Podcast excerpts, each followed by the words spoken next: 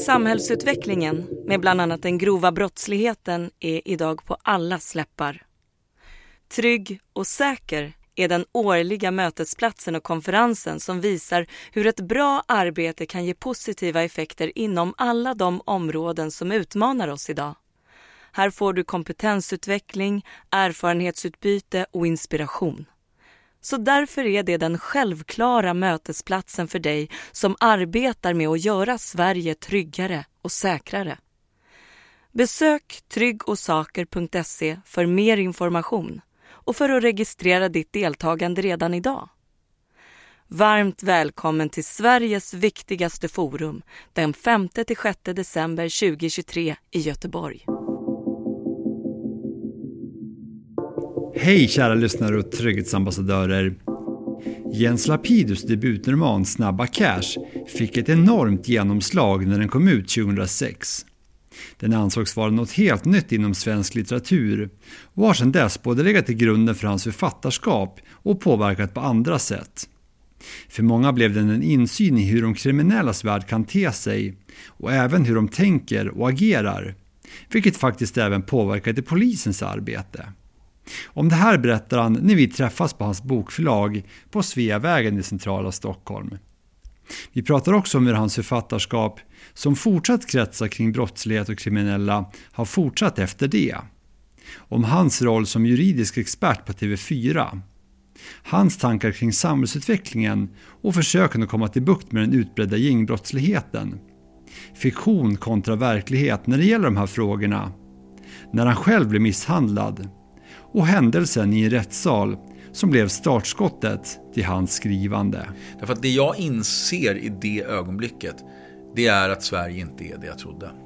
Det är att det finns människor i Sverige som har en helt, för mig då, tills dess främmande syn på brott.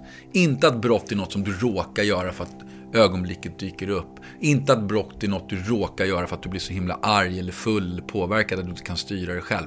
Utan att brottet är helt systematiskt uttänkt i den här livsstilen jag vill ha. Det här är naturligt för mig att leva så. Och eh, där och då föds liksom fröet till hela min skrivargärning skulle jag säga. Du lyssnar på Sveriges viktigaste podd, Trygghetspodden. Ja Jens, de flesta lyssnare känner nog till dig, men om det är någon som inte gör det, kan du börja med att berätta lite kort om vem du är? Jag är ehm, författare och eh, före detta advokat. Jag är verksam ehm, ungefär 15 år som jurist och advokat och framförallt inom straffrätt och brottmål. Nu skriver jag böcker och gör tv och film som ofta kretsar kring kriminella, eh, eller temat med kriminella och funderar mycket också på juridiska frågor om brott och straff. Ja, du har ju ett ganska aktivt yrkesliv får man säga. Du är med i tv, du har startat ett produktionsbolag, skriver böcker och så vidare och så vidare. Kan du bara kort summera det här som du berättar nu bara, din juridiska bakgrund och sen författarskapet och vilka böcker du har skrivit och så? Ja, min juridiska bakgrund är att egentligen att jag har läst juristlinjen då i Stockholm och i London och eh, jobbat på olika advokatbyråer, i början på affärsbyråer och även jobbat på domstol, det som hette då Sollentuna tingsrätt som idag heter Attuna tingsrätt. Eh, de sista tio åren så eh, var jag bara försvarsadvokat eller brottmålsadvokat och eh, drev tillsammans med fem andra advokater en byrå som heter Försvarsadvokaterna. Mina böcker följer i tiden ungefär min advokatgärning. Jag kom ut med min första bok 2006 och det var också ungefär då som jag började på försvarsadvokaterna. Eh, in, efter att ha jobbat då på domstol och eh, eh, Mannen med svartling. Och den första boken hette eh, Snabba Cash och eh, följdes sen upp av två andra böcker. Och vi gjorde också tre filmer på de tre böckerna. Sen har jag skrivit ett antal andra böcker. Top Dog, Mr. 1 och eh, Vipprummet och eh, Stockholm Delete. Och eh, lite andra grejer också. Jag har skrivit serieromaner och novellsamlingar och även barnböcker. Och eh, sista oktober så kommer min nya bok ut och som heter Död Man Walking. Som är en uppföljare på Mr. 1 och ingår i Teddy och Emily Top Dog-sviten. Just det, och sen eh, har du skrivit en bok som heter Paradise City också. Den ska vi nämligen prata lite grann om senare här. Precis, jag nämnde kanske inte det, men jag har skrivit en bok som kom ut för två år sedan tror jag, som heter Paradise City. Som egentligen är en slags dystopisk roman om ett Sverige som har eh, tappat greppet så pass mycket om brottsligheten att man först har stiftat speciella lagar för vissa orter i Sverige. Men när det inte har räckt så har man till och med byggt fysiska murar runt de här områdena. För att helt enkelt kapsla in kriminaliteten för att man inte har kunnat hantera den. Och i, just det, och, ja, sorry, just det. Och eh, precis, vi ska återkomma ja, till... Okej, okay, tar vi det med sen. Så, yes, så vi ska återkomma till den här boken här om en liten stund. Det här då med juridik och brottslighet, har du alltid varit intresserad av det eller när föddes det intresset? Eh, ja och nej skulle jag säga. Jag tror inte när jag eh, var yngre att jag tänkte att jag skulle bli advokat eller att jag skulle jobba i rättsväsendet på det sättet. Däremot har alltid så etiska frågeställningar varit intressanta för mig och jag har också alltid varit intresserad av språket. Och det är något som jag i synnerhet sysslar med nu, som jag bara är författare. Men det är ju så att juridikens, i alla fall straffrättens två verktyg, det är ju i någon mening moralen och språket. Det vill säga hur uttrycker vi den moral som riksdag och regering vill se uttryckt i lagar? Hur uttrycker vi det språkligt? Hur argumenterar vi för det språkligt? Hur ser vi det från olika perspektiv? Och hur använder vi egentligen språket? Det är ju advokatens verktyg och vapen. Eh, så på så sätt kan jag ju när jag tittar på vem jag var och vem jag är se att det var helt naturligt, det föll så naturligt ändå att det var det jag kom att syssla med. Du har berättat i många intervjuer att du ville skriva av dig det du upplevde i rättssalen och att det sen blev början till Snabba Cash. Givet allt som har hänt sedan dess då, hade du kunnat föreställa dig då den riktning som ditt liv har tagit efter det? Nej, jag eh, började alltså köpa ett litet eh, anteckningsblock i Sollentuna centrum på en eh, pappersbutik där och började göra små anteckningar av saker som jag upplevde i rättssalen. Saker folk sa, Eh, saker jag läste i polisutredningar, saker som åklagare sa, hur folk var klädda, ordval, språkbruk, allt möjligt, stort och litet. Och eh, sen gick jag hem och började skriva olika berättelser. Det var inte alls tanken ens att det skulle bli en bok, utan det var bara ett sätt för mig att dels skriva av mig saker som jag tyckte var kanske jobbiga eller uppseendeväckande som jag upplevde i rättssalen på dagarna. Men också tror jag en, en, en väldig spänning kring att jag kände att oj, jag får liksom en unik inblick i ett Sverige som åtminstone då, idag skriver ju eh, många tidningar om det här varje dag, och gör långa reportage och det finns också filmer och så här som behandlar ämnet. Men då fanns ingenting. Så att eh, det, det var att jag kände att en dörr öppnades in till en väldigt, ska vi säga, exotisk värld, nämligen en värld där att begå brott var helt naturligt. Kan vi säga det för yrkeskriminella eller de eh, multikriminellas värld. Du nämnde ordet spänning där. Var det spännande för dig att vara i rättssalen och höra de här sakerna? Ja, det var spännande. Det finns ju någonting väldigt spännande med, med brott och människor som har valt brottets bana. Dels är det psykologiskt intressant. Varför? Vem är den här människan? Hur hamnade hen där? Varför valde den just de här brotten? Sen finns det ju alltid spänningen, ska de åka dit, ska de inte åka dit, hur ska polisen utreda det här? Eh, det finns ofta mycket pengar inblandat. Så det finns olika element där som jag tycker skapar spänning. Men framför allt skulle jag säga, det som framför allt för mig var det spännande, det var att få blicka in bakom fasaderna. Att jag liksom kände att här har jag bott i Stockholm hela mitt liv och tittat på de här fina, eh, trygga staden. Och nu inser jag att oj, det fanns något annat där bakom också. Eh, det, det var väldigt, eh, ska jag säga, spännande. Av alla de fall du hade när du arbetade som advokat, vad skulle du säga är det som har påverkat dig mest? Menar du som ett enskilt rättsfall eller? Ja, det, det, så, så enkelt går det nog inte att göra. Därför att det har varit otroligt många mål och fall som har passerat eh, i mitt yrkesliv. Men eh, ett av de första var ju eh, när jag då var fortfarande notarie på tingsrätten och eh, det är ett fall där tre unga män har gått in och eh, rånat ett gäng andra ungdomar på en fest. Och jag har berättat om det här tidigare i intervjuer och så, men det, det var, man brukar ha så här historien om historien, det vill säga historien om sig själv. Och det är ofta ljug, folk liksom konstruerar en berättelse om hur det kom sig att de började med något. Men det här är faktiskt sant. Då, då. Och då var det så att Vi hade huvudförhandling, vi hörde de här personerna, vi hörde vittnen och målsäganden och så här. Och sen sista dagen in, in, innan man har pläderingar så har man ju personalia i svenska rättssalar och då frågade domaren de här killarna direkt. Vad gör ni om fem år? Vilka är ni om fem år? Och i vanliga fall så fick hon ju svar ungefär i linje med att nej, men om fem år har jag pluggat upp betygen eller om fem år har jag skaffat ett jobb, om fem år har jag lämnat det här och gör något annat. Men hon fick inte det svaret den här gången, utan de ställde sig upp. Och för alla ni som har varit i en rättssal vet att bara att stå upp i en svensk rättssal, det är ganska radikalt bara i, i, i sig. Va? Det är inget vi ägnar oss åt i, i svenska rättssalar. Men de ställer sig upp och jag minns att eh, häktesvakterna får trycka tillbaka dem i fåtöljerna igen. Och de skriker rakt i ansiktet på domaren. Så skriker de, du fattar ingenting. Du fattar inte att de li liven vi lever, det vi gör, det är naturligt för oss att göra. Det är våra jobb. Och det där blev startskottet för min första bok. Egentligen en liten anekdot som inte fick plats i den boken. Men för mitt skrivande skulle jag säga. Därför att det jag inser i det ögonblicket. Det är att Sverige inte är det jag trodde.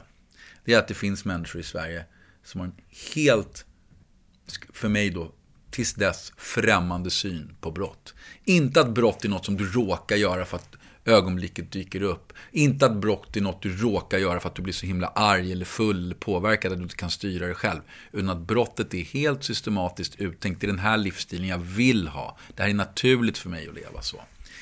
Och eh, där och då föds liksom fröet till hela min skrivargärning skulle jag säga. Så den, den kommer jag fortfarande ihåg, just den, den scenen i rättssalen när de här killarna får det här utbrottet. Sen har jag haft många andra mål som har varit tuffa på olika sätt. Det kan ha varit eh, personer som har suttit häktade väldigt, väldigt länge i, med fulla restriktioner som har samtalat med mig om saker och ting. Det kan vara mål som har varit väldigt svåra och påfrestande för att de har rört väldigt grova förbrytelser som tortyr eller våldtäkter som är väldigt svårt för en moralisk människa att hantera. Att det är min klient som jag försvarar just nu, som är anklagad för de här sakerna. Och som också fälls allt som oftast ju. Det, det, det är svårt och eh, etsa sig in i hjärtat. Och många advokater kommer svara, nej men vi måste ha ett eh, rättssystem och det här är ett viktigt jobb att göra. Och det, allt är ju rätt och riktigt i teorin. Men eh, frågan är, varför gör just du det där jobbet? Vad finner just du för njutning i att försvara de här personerna? Och det är den frågan som egentligen gnager lite på hjärtat på alla försvarsadvokater. Jag tror det finns olika sätt att hantera det. Ett sätt är att hjärtat blir förhårdnat.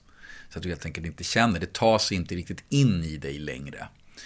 Och du kanske känner glädje när du fick den här serievåldtäktsmannen friad. Men det är ju egentligen en bisarr glädje. Och då har nog ditt hjärta blivit lite hårt. Eller så har du ångest över det där och fortsätter bearbeta det hela din yrkeskarriär. Och då kanske du börjar supa, eller så får du gå som psykolog, eller så skriver du böcker. Det är ungefär det jag rekommenderar för att klara av det. Var det det som gjorde att du lämnade advokatyrket? Att du kände att det gnagde på ditt hjärta att just försvara de här då kanske grova brottslingarna? Nej, det var inte det direkt. Det som fick mig att sluta var att jag inte hann med båda yrkena fullt ut. Och att jag då upplevde att det går inte att vara författare och inte vara 100% committad till det. Och det går heller inte att vara advokat, inte schysst mot klienten att inte vara 100% committad till dem och lägga all tid på dem. Och till slut räckte helt enkelt inte tiden till för båda. Och jag hade fått tre barn under de här åren och så här också. Så det, det, var, det, var, det var en tidsfråga. Och jag flyttade också utomlands i några år, bodde i Spanien. Så, och då klev jag ur samfundet. Men, eh, men så här några år senare så kan jag nog se att det där var en, en sak som gnagde på mig. Och hade du hållit den här intervjun med mig för eh, sex och ett halvt år sedan eller sju år sedan när jag fortfarande var advokat. Då hade jag aldrig sagt det så här tydligt som jag säger nu. För det är väldigt svårt att erkänna för en själv. För man erkänner ju då egentligen att man lider moraliskt av sitt yrkesval. Och det är inget kul.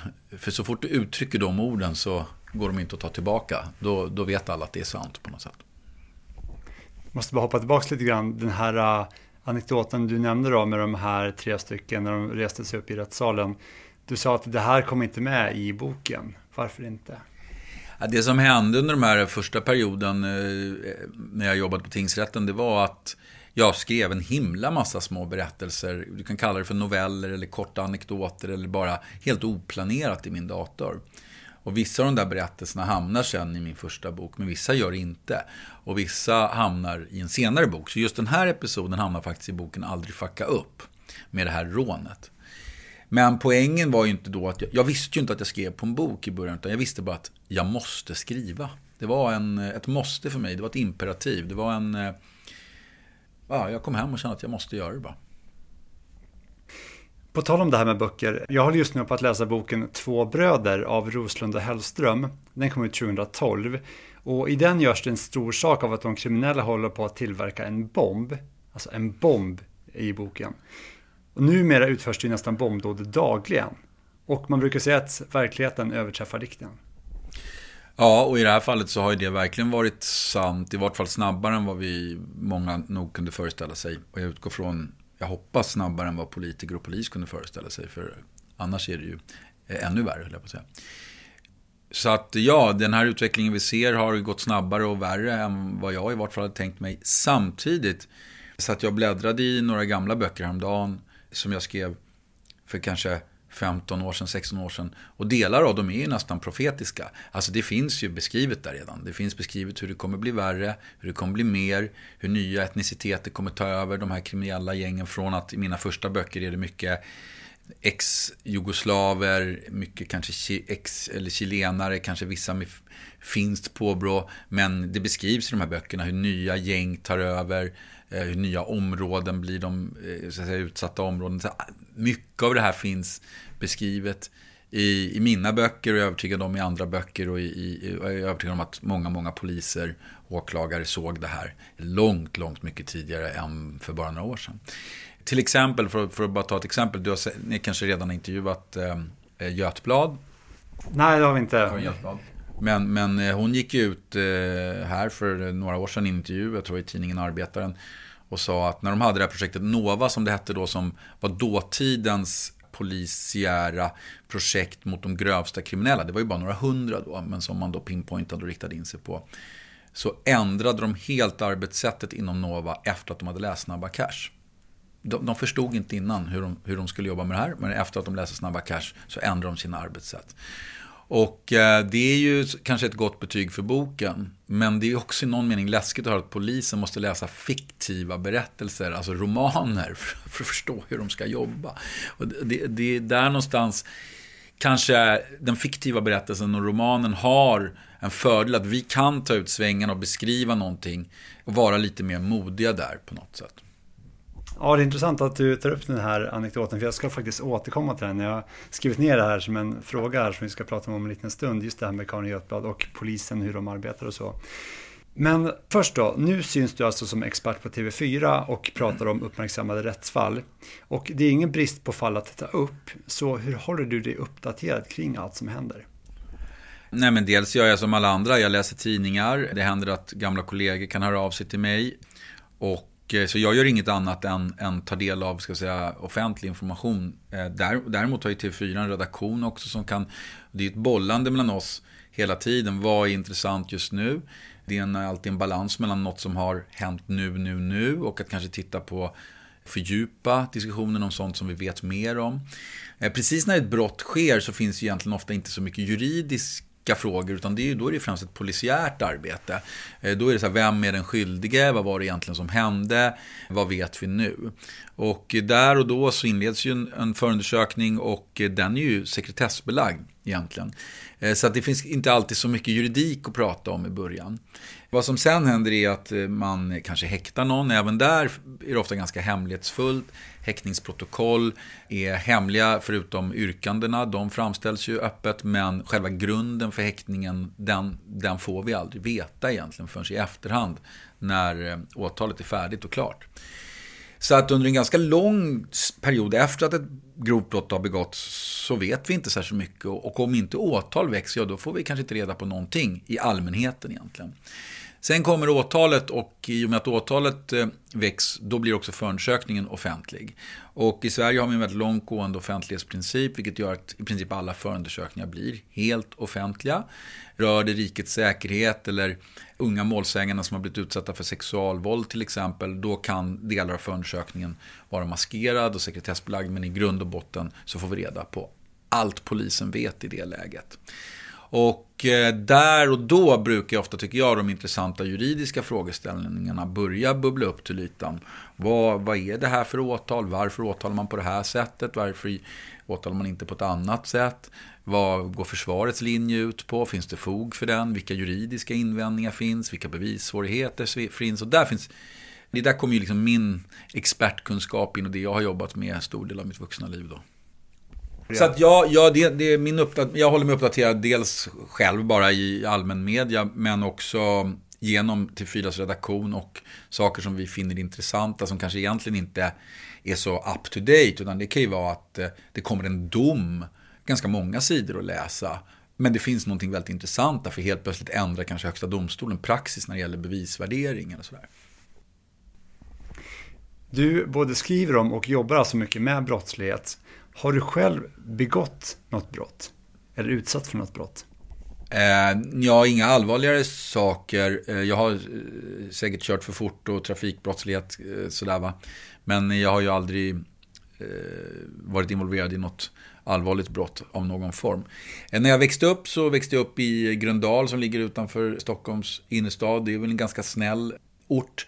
Men även där fanns det ju mycket våld och så bland unga män. Och det hände ju att det kom gäng från röda linjen till våran skola och skulle slåss och sådär. Och eh, jag, jag, vet att jag var inbegripen någon gång i, i slagsmål och så. Okej, okay, så har du själv då utsatts för något brott i samband med det här? Eller, alltså, det här ja, jag, jag, blev, jag blev äh, lätt misshandlad får jag väl säga. Det var, det var inga allvarligare saker, men, men det hände sånt. Det hände sånt. Har det här påverkat dig på något sätt? Ja, du, det är nog första gången någon frågar mig om det. Så där fick du in en ny fråga. Det är inte ofta kan jag säga jag får en fråga jag inte har fått tidigare. Eh, jag tror inte det är så mycket faktiskt, men det är alltid svårt att värdera sig själv. Jag fick, eh, för ungefär sex år sedan hade jag en klient som faktiskt eh, begärde mig för att han kom från Aspuddsskolan. Och eh, han var åtalad för en helt annan sak. Men han sa att den här killen som då hade slagit mig när jag var yngre, han var död nu. Och då, då vet jag inte vad jag kände, men det fanns någon... Eh, jag vet inte, men det kändes i alla fall i kroppen när jag fick höra det. Okej, så att eh, då var du alltså utsatt för ett brott. Vad var det som hände där? Ja, jag ska inte förstora upp det här, därför att jag tror att när man är i den åldern, jag gick väl i åttonde klass tror jag, då är våld ganska vanligt närvarande för unga killar. I alla fall om man bor i en plats där det finns lite blandat med folk så att säga. Så att där jag växte upp, jag gick ju då i, i högstadiet i Aspuddens skola. Det var en gammal eh, arbetarklassförort i Stockholm som hade börjat bli lite gentrifierad då men fortfarande hade eh, en del lite mer utsatta familjer och sådär. Och eh, ja, men det hände som sagt att det kom folk och skulle slåss på skolan, det kom folk och skulle, skulle bråka. Och, eh, och det här var väl någon sån liknande situation. Jag, jag, jag, jag, jag, liksom, jag vet att jag tyckte det var jobbigt då. Det var ingen allvarlig grej. Det var väl några sparkar liksom. Men eh, jag tyckte det var jobbigt då. Jag tyckte det var jobbigt att gå tillbaka till skolan och, och sådär. Men det var aldrig något som polisanmäldes. Och det, var aldrig, det, det fanns inte på kartan att polisanmäla det. Eh, så här i efterhand kan jag ju fundera på så här, intressant att det inte fanns på kartan att polisanmäla. Och eh, mina föräldrar kände till det så vitt jag minns. Men det fanns inte på kartan för dem heller. Jag tror de tänkte liksom så här eh, att det var allvarligt så, men ändå att ja, men det är sånt som händer grabbar på något sätt. Jag vet inte faktiskt. Jag har aldrig konfronterat dem med det. Jag kanske ska, eh, men det var ju liksom inte allvarligt. Jag, jag började inte, jag fick ingen skada som eh, varade särskilt länge eller sådär. Det här då med brottsligheten. Från politiskt håll så genomförs det nu en mängd olika åtgärder. Skärpta straff, större möjligheter till övervakning, både med övervakningskameror, fysiskt och digitalt och som avlyssning med mera. Utifrån din bakgrund som advokat, hur ser du på de här både förslagen och de lagar som redan har instiftats eller är på väg att instiftas? Det är en blandad eh, känsla hos mig. Dels kickar ju advokat Eh, nerven in ganska snabbt när jag hör om preventiv avlyssning och eh, borttagna reduktioner för ungdomar och barn och när jag hör om eh, olika nya regler för husrannsakan och jag hör om eh, kronvittnen och anonyma vittnen. Samtidigt så eh, har vi medborgaren Jens Lapidus som, som eh, förstår och ser på väldigt nära hand, eftersom jag ändå jobbar med de här frågorna, att eh, vi har hamnat i ett läge som är helt okontrollerbart och som är väldigt, väldigt svårt för svensk polis och för svensk, alla i Sverige. Och eh, dessutom ska man vara medveten om så har ju de andra nordiska länderna infört många av de här grejerna för länge sedan. Så det är ju inte bara så att vi så att säga, flyttar hela systemet i repressiv riktning. Man kan också uttrycka det som att vi under många år har vägrat att göra någonting åt det här i princip. Småduttande har man väl gjort, men inga större förändringar. Och att nu kommer allt istället på en gång och därför upplevs det olyckligt tycker jag att allt ska komma på en gång. Men så att, eh, ja, jag kan säga att jag både förstår att de här lagförändringarna måste komma. Jag tycker också att vissa borde komma. Vissa är mer skeptisk till och vissa är jag direkt motståndare till. Men, men på det stora hela så tror jag att vi absolut behöver snäppa upp vår strafflag i Sverige. Jag tycker de flesta grejerna som har hänt är bra. Jag tycker definitivt att det är bra att vi har höjt straffen för grova vapenbrott och vapenbrott radikalt.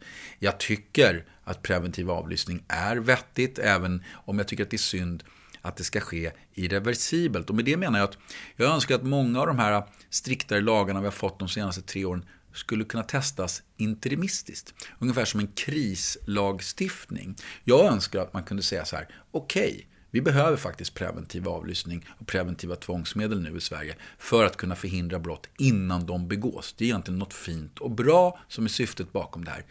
Men måste vi ha det permanent? Kan vi inte säga att vi kör det här i fem år, sen utvärderar vi och märker vi att det inte haft bra effekt, då rullar vi tillbaks det. Då ska det inte vara en permanent repressiv lagstiftning inom det här området. Samma sak skulle kunna gälla en del av ungdomsreduktionen eller kanske anonyma vittnen eller kanske till och med eh, kronvittnen. Jag tycker inte kronvittnen är lika problematiskt, men, men vi, vi tar det som exempel. Du nämnde att du var väldigt kritisk till något. Har du något exempel på något du verkligen ogillar av det som har kommit? Ja, jag, jag, tycker anonyma vittnen tycker jag nog är allt för problematiskt ur rättssäkerhetsaspekt för att vara användbart. Jag tror i och för sig att det kommer lösa sig själv på så sätt att det i princip aldrig kommer användas. Man har ju haft eh, möjlighet för anonyma vittnen i både Norge och Danmark och jag tror även Finland i, i ett antal år. Och eh, det används i princip inte. Av olika skäl. Dels är det alldeles för krångligt att kunna garantera anonymiteten. Ett annat skäl är att eh, bevisvärdet för uppgifter som kommer från ett anonymt vittne blir extremt låga. Så att det är inget man från åklagarhåll gärna vill ha. Därför att det förstår ju alla att ett vittne som du inte får ifrågasätta motiven eller vem det är och inte kan förstå vem det är som säger de här sakerna. Det blir ett mycket, mycket lägre bevisvärde. Och alla de nordiska länderna har ju olika former av fri bevisprövning precis som vi har i Sverige. Så det, jag tror i Norge, om jag inte minns fel, att man har haft det här i ganska många år men att det används kanske en handfull gånger bara. Så det är extremt ovanligt och det tror jag det kommer bli i Sverige också. Så då kan man ju tycka, en så pass ovanlig sak som dessutom är oerhört problematisk ur rättssäkerhetssynpunkt, det tycker jag inte vi ska ha. En annan advokat, Thomas Olsson, medverkade för några veckor sedan i SVTs program Agenda. Han var kritisk till det här med ökad övervakning och tyckte istället att polisens förundersökningar borde bli bättre. Och just det här med polisens kvalitet på förundersökningarna diskuteras ju återkommande. Många utanför polisen tycker att de ofta inte håller måttet. Som advokat och numera expertkommentator, vad är din bild av det här? Är polisens förundersökningar ganska ofta inte tillräckligt bra? Ja, jag delar inte den, riktigt den uppfattningen. Jag tycker tvärtom snarare att polisen för det mesta gör ett oerhört gediget arbete. Och det vet ju alla att förundersökningarna har blivit tjockare och tjockare med åren. Vilket betyder att de gör mer och mer arbete faktiskt. Så jag skulle nog snarare säga att utvecklingen går åt det motsatta hållet. Det vill säga vi ser väldigt omfattande förundersökningar där man har sökt väldigt brett och djupt på olika punkter. Däremot är tystnadskulturen svår och det leder till att idag innehåller nog bevisföringen färre vittnen som vågar vittna än vad det kanske gjorde för 10-20 år sedan. Och det är klart att det leder till, i kanske vissa fall, en svagare bevisföring än vad den hade gjort om vi hade haft vittnen som vågade ställa upp och vittna. Och istället får man hänföra sig till forensisk bevisning eller olika typer av tvångsmedel avlyssning och sånt där. Så att ja, ur ett perspektiv kanske förundersökningarna är svagare, men det har ju knappast att göra skulle jag säga, med polisens arbete, utan snarare med hur verklighetens förutsättningar har förändrats och att folk är räddare idag. Och andra saker också naturligtvis. Man har blivit helt enkelt smartare när man begår de här brotten. Man plockar in killar från en helt annan stad som inte har någon som helst relation till offret. Och därför finns det väldigt lite att gå på när man väl ska börja utreda det här. Och det finns en mängd andra sådana, eh, skulle jag säga, aspekter också. Så jag, jag, delar inte riktigt den uppfattningen, även om det alltid är viktigt med en så pass robust förundersökning som möjligt. Och det är alltid viktigt att man tittar så brett som möjligt så att man kan utesluta alternativa gärningsmän och inte hela tiden det här är en klassisk brist i polisutredningar, att man liksom säger, det, det här har vi pratat så mycket, att man snöar in för tidigt på ett visst spår och negligerar andra spår. Och sådär, och det, det är naturligtvis viktigt.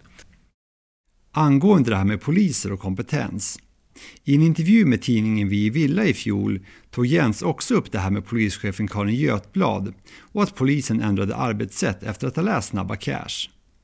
Då sa han även så här, citat. Det är egentligen ett underbetyg för polisen, för det betyder att jag visste mer än dem. Slutcitat. Det här är ett ganska uppseendeväckande uttalande och jag undrar därför vad han menar när han sa så. Nej, men jag tänker så här att om vi ska bekämpa grov kriminalitet så måste vi nog också ta ett allvarligt försök att försöka förstå hur grovt kriminella tänker. Det räcker inte med att hela tiden ha ett utanför perspektiv och titta på dem som djur i bur eller som djuren på zooet. Jag tror man, och det tror jag man har blivit bättre på från polisens håll, men vi måste sätta oss ner eh, med fokusgrupper och med människor från olika delar av samhällskroppen och försöka förstå hur tänker de? Varför hamnar de här? Och när de väl har hamnat här, vad är det som gör att de begår de här brotten? För om vi förstår det så kommer vi kunna dels vara preventivt aktiva och bekämpa brottsligheten, men vi kommer också kunna lösa brotten bättre. Om vi tror att alla skjutningar idag handlar om eh, ska vi säga, kalla rationella knarkuppgörelser där man skjuter och slåss om pengar, då kommer vi hamna fel. Men om vi börjar förstå att väldigt mycket av det här våldet som vi ser idag också handlar om kränkthet, om heder, om, om toxisk maskulinitet och hypermaskulinitet och att man känner sig trampad på så man hämnas. Det är emotioner, det är emotionellt drivet, det är irrationellt, det är hämnd, det är manlighet och maskulinitet. Då kommer vi förstå det här, vi kommer kunna söka på rätt platser och också lösa fler brott. För de här sakerna du nämner nu, det var inte någonting som man, i alla fall inte vad jag har hört så mycket, kunde prata om eller i alla fall ta upp liksom, i olika medier. Utan ofta var det ju de sakerna du sa i början där, liksom mer, om det var knarkhandel och så vidare. Men numera hör man ju väldigt ofta den här typen av saker du tog upp med hypermaskulinitet, med att man blir kränkt och så vidare. Så har man inte blivit bättre på att just lyfta andra perspektiv. Jo, jag tror det. Men jag tror också att där finns det i viss mån kanske litteraturen som har hjälpt till. Kanske mina böcker. Definitivt Diamant Salios böcker som ju ger otroligt många olika perspektiv på varför just de killarna i den konflikten som eh, han har beskrivit flera, men i, i, hans eh, första genombrottsbok så får man ju också förstå väldigt mycket att de är liksom arga på varandra för olika saker. Det handlar inte om det här rationella, utan det handlar om väldigt mycket annat. Och när man börjar förstå det så tror jag också man kan bedriva polisarbetet på ett annat sätt. Eh, så jag tror att det finns en, en eh, viktig aspekt av att försöka förstå de här killarna ur flera olika vinklar än bara, ja de vill ha pengar, de vill sälja knark, det är därför de begår brotten. Riktigt så enkelt är det inte. Och det tror jag ingen tror idag längre, för nu skrivs det ju spaltmeter om de här grejerna varje dag. I samma intervju som den här som vi pratade om nyss då, den i Vi Villa från i fjol, så sa du att i Snabba Cash så finns det långa utläggningar, och det var inne på i början här när vi pratade, om att du vart förvånad över att du kunde förutse framtiden i det här. Har du något exempel från Snabba Cash som du minns så här, det här skrev jag om och det här har blivit faktiskt verkligheten? Nej, jag, jag, kan inte on the top of my head citera ordagrant, men jag minns att det finns utläggningar i boken som olika karaktärer har, som ungefär går ut på att nu är det vi här, stabila serbiska maffian som styr här, men om några år, ungefär så här, kommer det vara unga killar från eh, länder i Mellanöstern som är mycket vildare än oss. ungefär så går resonemangen i boken. Och eh, det är ungefär så det är också i verkligheten kan man nog säga. Den här lite stabiliserande äldre typen av organiserat kriminella som i någon mening det vi kallade då i Stockholm på den tiden den serbiska maffian kanske utgjorde. Det hade ju också en viss lugnande effekt på det kriminella livet i Stockholm. Det vill säga det fanns en tydlig hierarki och du måste liksom få tillstånd för att göra saker. Och de som var högre upp i hierarkin var också äldre män som kanske hade passerat 30-årsåldern, som kanske hade fru och barn, som levde helt andra liv.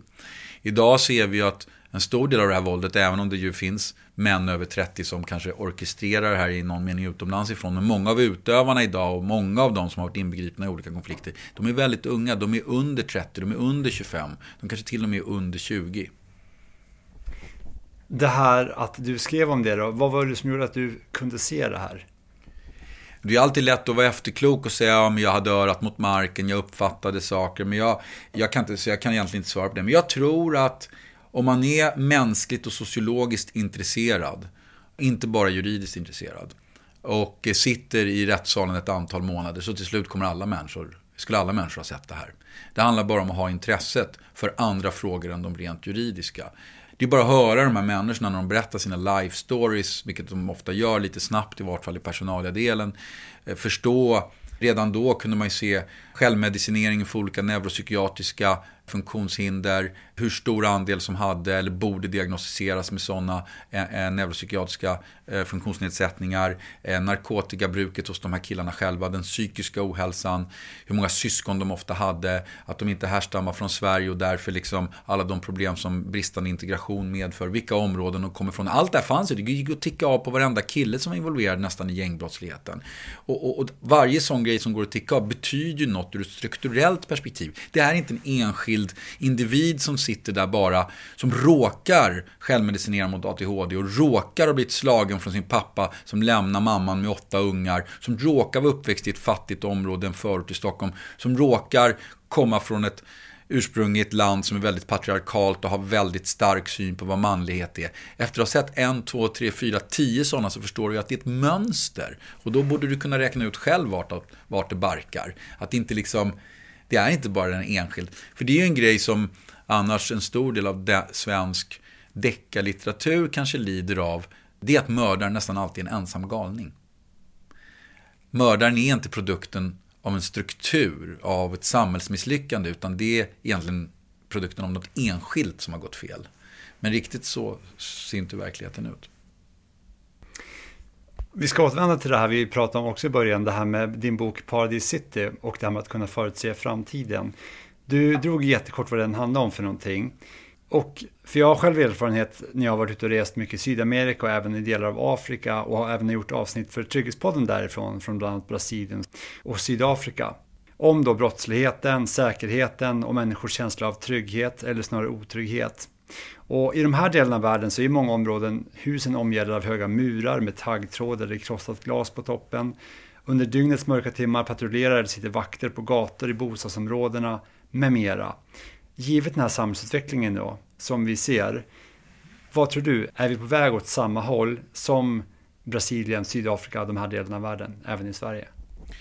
Jag tror att eh, svaret på den frågan är ja och nej. Och jag tror att man ska hålla huvudet lite kallt. Vi har de senaste veckorna och de senaste åren upplevt fruktansvärda våldsdåd i Sverige och en utveckling som är superhemsk och som är allt annat än önskvärd och som alla politiker och alla måste ta på högsta allvar för att bekämpa. Och vi behöver egentligen gå man ur huset för att bekämpa den här utvecklingen. Det är inget snack om det. Men med det sagt så är det ju ingenting jämfört med de länderna du har besökt i Latinamerika. Det är ingenting jämfört med amerikanska storstäder, eller delar av amerikanska storstäder. Det är heller eh, ingenting jämfört med stora delar av, av Asien, och jag menar, vi ska inte ens börja tala om Sydafrika och sådana platser. Så att i ett internationellt perspektiv är vi fortfarande en av de tryggaste platserna på jorden och man behöver inte vara särskilt rädd i Sverige. Jag menar, det måste vi förstå att vi har ju rört oss från en extremt trygg miljö till en något otryggare miljö.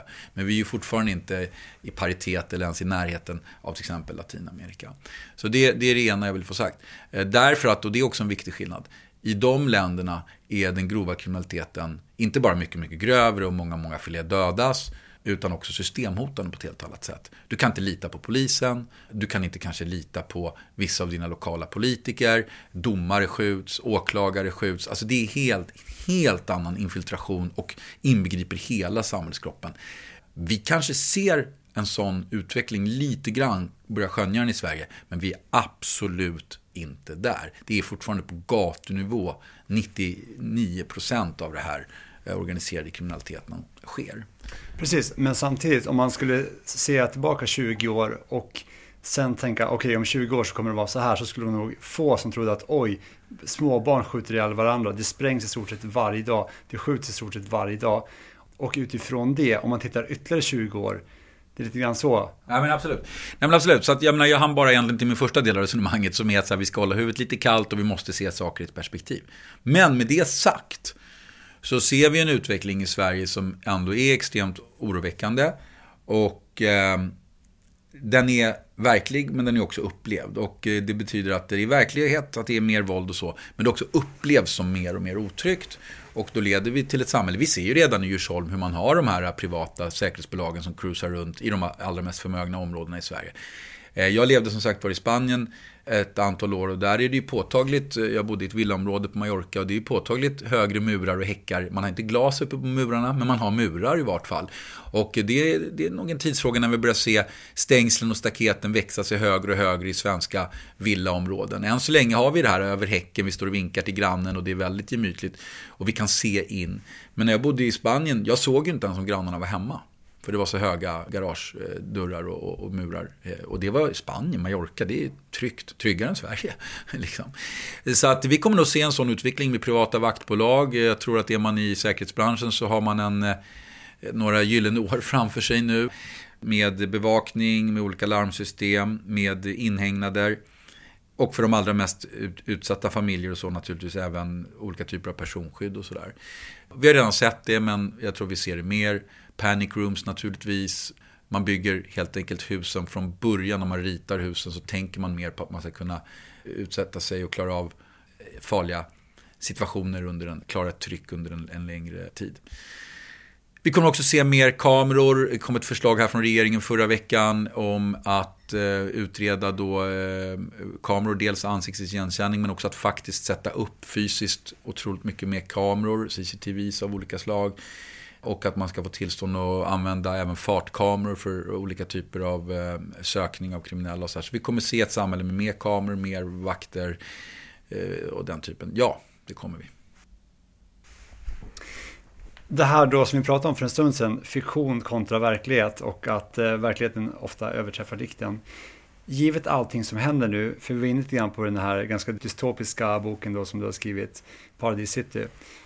Vad ska de skriva om framöver? Blir det fler framtidsskildringar och blir de också i så fall så här väldigt mörka? Ja, alltså, nu jag, kommer jag med en ny bok som heter Död Man Walking här sista oktober och eh, den är väldigt samtida och handlar snarare om Sishem, SIS-hem, hur det är där. En av huvudpersonerna är en ung kille som sitter inlåst på ett sånt. Han är dömd till, till sluten ungdomsvård. Det handlar om hämnd, det handlar om, om eh, föräldrar som försöker stoppa sina barn från att begå dumheter. Så jag, jag befinner mig i den världen. Men just Paradise City bygger ju egentligen på en premiss om att vi inte lyckas bromsa den här utvecklingen och att vi inte vet vad vi ska göra. Och att vi därför börjar stifta lagar för, att, eh, för vissa områden för att minska brottsligheten och det räcker inte heller. Och då börjar vi sätta upp fysiska murar runt de här områdena för att helt enkelt hindra den grova kriminaliteten att läcka ut i det resterande samhället. Och i en sån där eh, område som då ironiskt kallas Paradise City, eh, där människor bor och bara kan komma ut och in med ID-kontroller, så kidnappas en minister. Och eh, vår hjälte, berättelsens hjälte, måste in och rädda den här ministern i det här området. Vi spelar in det här nu som tv-serie just nu i också. Så det kommer komma snart en tv-serie som heter Paradise City. Och eh, den är egentligen inte nödvändigtvis min vetenskapliga analys av var vi kommer att hamna, utan den är just en dystopi, det vill säga den handlar om vad vi absolut inte vill hamna. Det är mer som en, varnings, en röd varningslampa där jag liksom har vridit på till max de negativa trender jag ser i samhället. Och eh, just framförallt då kanske oförmågan att stoppa den här utvecklingen. Och jag tror att den här utvecklingen, eh, vi kommer nog leva med det här i ganska många år nu innan man, om man gör rätt, hinner pressa tillbaka, eller inte hinner utan kan pressa tillbaka det här och pressa tillbaka nyrekryteringen. För att eh, om det stämmer, jag är väl kanske lite försiktigt skeptisk till polisens siffra om att det skulle finnas 30 000 gängkriminella i Sverige. Men om ens bara halva siffran av den stämmer så har vi otroligt många där ute och det hjälper inte att spärra in 100 per år. För det, är liksom nytill, det, det, det tar ju aldrig slut och det kommer komma till så många. Så vi måste naturligtvis fokusera på striktare lagar och det gör vi nu också i en rasande takt. Men vi måste också fokusera på att folk inte ens hamnar i den grova kriminaliteten. För när vi börjar avlyssna någon eller straffa någon längre, då är det en person som redan har valt brottets bana eller, i vart, eller till och med redan begått brottet. Det är ganska retroaktiva åtgärder. Även eh, om det kan vara lite preventivt så är det ju inte preventivt ända bak i dominokedjan. Det vill säga, du, du, du, då har du ju redan en kriminelle på plats. Så det är egentligen, jag har suttit i TV4 och gått igenom de senaste två åren nästan en gång i månaden listor med nya lagar och striktare regler och striktare, mer repressivt, mer repressivt, mer repressivt. Och vi behöver säkert en del, mycket av det där. Men inte en enda gång har jag suttit och gått igenom en konkret lista som politikerna har lanserat på hur vi ska göra för att stoppa rekryteringen preventivt på riktigt. Hur ska vi göra att de inte ens hamnar i det där? Där behöver vi tänka mer helt enkelt. Angående det här då med brott och straff för den grova brottsligheten. En sak som vi har pratat en del om här i Trygghetspodden med poliser är det här med mängdbrottsstraff. Alltså att upprepade fängelsestraff leder till ett mycket långt fängelsestraff. Till exempel tre gånger och du åker in i fängelse och sen är du rökt. Och där har de ett antal länder, till exempel delar av USA. Vad tänker du om det här? Ja, det finns ju olika typer av regleringar kring mängdbrottslighet. Det ena är, som du är inne på, att man i vissa amerikanska delstater har då three strikes and you're out. Det vill säga att eh, tredje gången eller ibland fjärde gången du begår ett grovt brott med ett visst straffvärde så är det livstid som gäller. Det är ett sätt att se på, på det här. En annan sak är det vi har i Sverige som kallas aspirationsprincipen som innebär att vi dömer gemensamt för brott. Det vill säga om du kommer och har begått tio våldtäkter där varje våldtäkt har ett straffvärde på fyra år så dömer vi inte till 40 år. Vi plussar inte ihop då linjärt. Det gör man i vissa delstater, bland annat Texas i USA. Då kan man ju få så här 100 års fängelse och såna här grejer. Och det gör vi inte i Sverige. Och eh, skälet till att vi inte gör det är att det blir orimligt. Det är orimligt att döma någon som har begått våldtäkter till ett längre straff än vad man får för mord till exempel. Så att för att behålla rimligheten och jämförbarheten i straffsystemet så har vi inte den där principen. Men den kan ju också bli orimlig åt andra hållet och det tror jag många brottsoffer eller anhöriga till brottsoffer upplever. Ska då den här våldtäktsmannen, som kanske då, om han har begått tio våldtäkter, får nio års fängelse. Det betyder att de, han fick då fullt ut för den första våldtäkten och för våldtäkt 2 fick han kanske halva straffet och för våldtäkt 3 fick han en fjärdedel av straffet. Och för de resterande sju våldtäkterna, de är helt enkelt strafffria. Man kan se det på det sättet, även om det inte är så domstolen ser det. De ser det som att de dömer gemensamt. Och det kan jag uppleva som extremt kränkande, för att inte säga hånfullt mot brottsoffret. Eller brottsoffren. Och därför ser man ju över det här nu med en utredning hur vi ska göra med den här aspirationsprincipen. Och jag skulle tro att det kommer komma någon variant på den där vi fortfarande behåller grundregeln att vi inte plussar på rakt av linjärt. Men att vi ändå ger högre straff för brott 3, 4, 5, 6 så att säga vid mängdbrottslighet. Och jag tror att det där är en viktig fråga för att bibehålla förtroendet för rättssystemet. Jag är inte säker på att man kanske kommer få den här våldtäktsmannen att avhålla sig från de sista våldtäkterna. Det vill säga, det kanske inte kommer att ha en positiv effekt konkret. Men jag tror att det är viktigt att folk känner att rättssystemet är rättvist. Att de känner att det är fair, att det känns rätt. För börjar folk tappa förtroendet för rättssystemet, eh, i grunden förtroendet för det, så är det också i förlängningen ett problem för demokratin, för vårt demokratiska system. Precis, men om vi bara hänger oss kvar lite grann vid det här med mängdbrottsstraff då. För att det är ju faktiskt så att en mycket stor del av brottsligheten begås av en relativt liten skara individer är det då inte bra för alla vanliga laglydiga medborgare och även brottsoffer då, som du nämnde, för deras skull att de här personerna inte kan fortsätta begå brott? För åker man in på livstidsfängelse, då sitter man ju där och då kan man inte begå nya brott. Jo, man måste fundera på varför vi eh, straffar människor som vi gör. Och eh, ett skäl är såklart att eh, straffet måste stå i någon form av proportion till brottet. Ett annat skäl är att man vill få bort brottslingen och ett sista skäl är att man vill skrämma brottslingen, att ska, den ska känna att Nej, men jag begår inte det här brottet för jag får ett så långt straff. Och vad gäller den sista grejen så finns det ju många kriminologer och forskare som säger att det har ofta inte så jättestor effekt. I USA har man dödsstraff i många delstater men de har inte lägre brottslighet nödvändigtvis för det och man kan inte se sådana korrelationer så den grejen verkar inte riktigt funka. Sen har vi den andra grejen och den, det är ju den du är inne på. Den kan ju vara vettig då, att vi får i vart fall bort dem från gatan. Men sen har vi den första grejen och det är att någonstans måste straffet också stå i proportion till brottet. Och vi kan inte dra till med hur drakoniska straffsatser som helst för 15-åriga barn till exempel. För det är inte rimligt och proportionellt. Och det, det är inte, eh, om jag tar det som exempel då, att straffa barn som ännu inte har en utvecklad kognitiv förmåga, som inte ännu har fullt utvecklad impulskontroll, som kanske inte har en fullt utvecklad hjärnkapacitet. Det, det tror jag de flesta människor i Sverige fortfarande fortfarande ändå uppfattar som stötande. Det kan vi inte göra. Så vi måste hela tiden hitta en balans i att skydda samhället och hur hårda straff vi utdömer.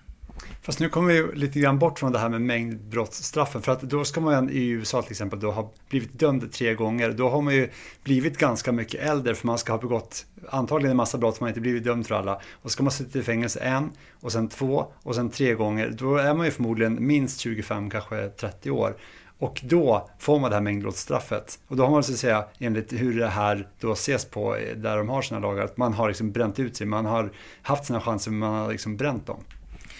Ja, jag kan inte exakt hur åldersfördelningen ser ut för de som drabbas av det här three strikes eller three times and you're out eh, systemet man har i, till exempel, eller hade i alla fall i Kalifornien. Jag vet inte om han har det kvar. Eh, jag, jag är inte säker på att alla är 30 år gamla. Jag tror att de där brotten kan begås i ganska snabb följd och man börjar straffa folk ganska tidigt där. Så det kan nog ibland röra sig om ändå ganska tämligen unga personer. Men det som kanske snarare där blir intressant, det är ju så här, är det rimligt att du kanske begår ett snatteri eller en stöld av normalgraden och får livstid för det. Är det rimligt? Vill vi leva i ett samhälle där du kanske hade otur, var jävligt fattig, var påverkad av något och gjorde en jävligt dum grej. Ja, du stal. Du ångrar enormt att du stal den här mopeden. Det var det dummaste du gjort i ditt liv och du ska sitta livstid i fängelse för det. Jag tror inte att det är ett bra samhälle.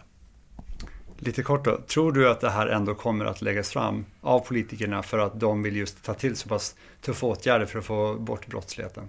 Jag har faktiskt inte sett något liknande förslag, eh, seriöst sånt förslag i Sverige än. Men eh, nu när du säger det så skulle jag inte förvåna mig om det kommer vara någonting vi kommer få se. Eh, kanske inte att du får livstid tredje gången du begår ett brott oavsett vad det är för brott. Därför att det är så det är då i vissa delstater i USA. Men kanske att vi helt enkelt ändrar reglerna för när vi till exempel dömer ut villkorlig frigivning. Som ju idag väldigt sällan döms ut till hela delen. Det vill säga, du begår ett brott, du döms till nio års fängelse, du sitter bara sex år och kommer ut men har egentligen tre år kvar då villkorligt frigiven. Och så begår du ett brott inom de tre åren. Då skulle man kunna tänka sig att man säger först och främst ska du få de där tre åren. För du var ju faktiskt bara villkorligt frigiven. Och sen ska vi plussa på det som du gjorde. Men det är väl sällan så det ser ut idag i Sverige. Till sist, du har alltså många järn i elden, berättar du nu. Nu har du en eh, ny bok på gång här snart. Vad händer i övrigt i livet? Ja, i övrigt händer inte så fasansfullt mycket. Jag skriver på en ny bok. Eh, jag håller på mycket med film och tv, utvecklar olika tv-serier och filmer, inte bara eh, baserade på mina berättelser, utan det kan vara adaptioner på andra författares böcker, det kan vara originalidéer. Eh, så jag befinner mig mer och mer i vad man kallar manusrummet med andra personer involverade i de processerna. Vilket jag tycker är väldigt roligt för att skrivandet är ju lite ensamt. Så det är mina huvudsysselsättningar, förutom att jag väntar på att eh, skidsäsongen ska sätta igång. Okej, okay, ja och när det här publiceras då är det kanske vinter redan. Du har hört ett avsnitt av Trygghetspodden. Fler avsnitt finns på trygghetspodden.se.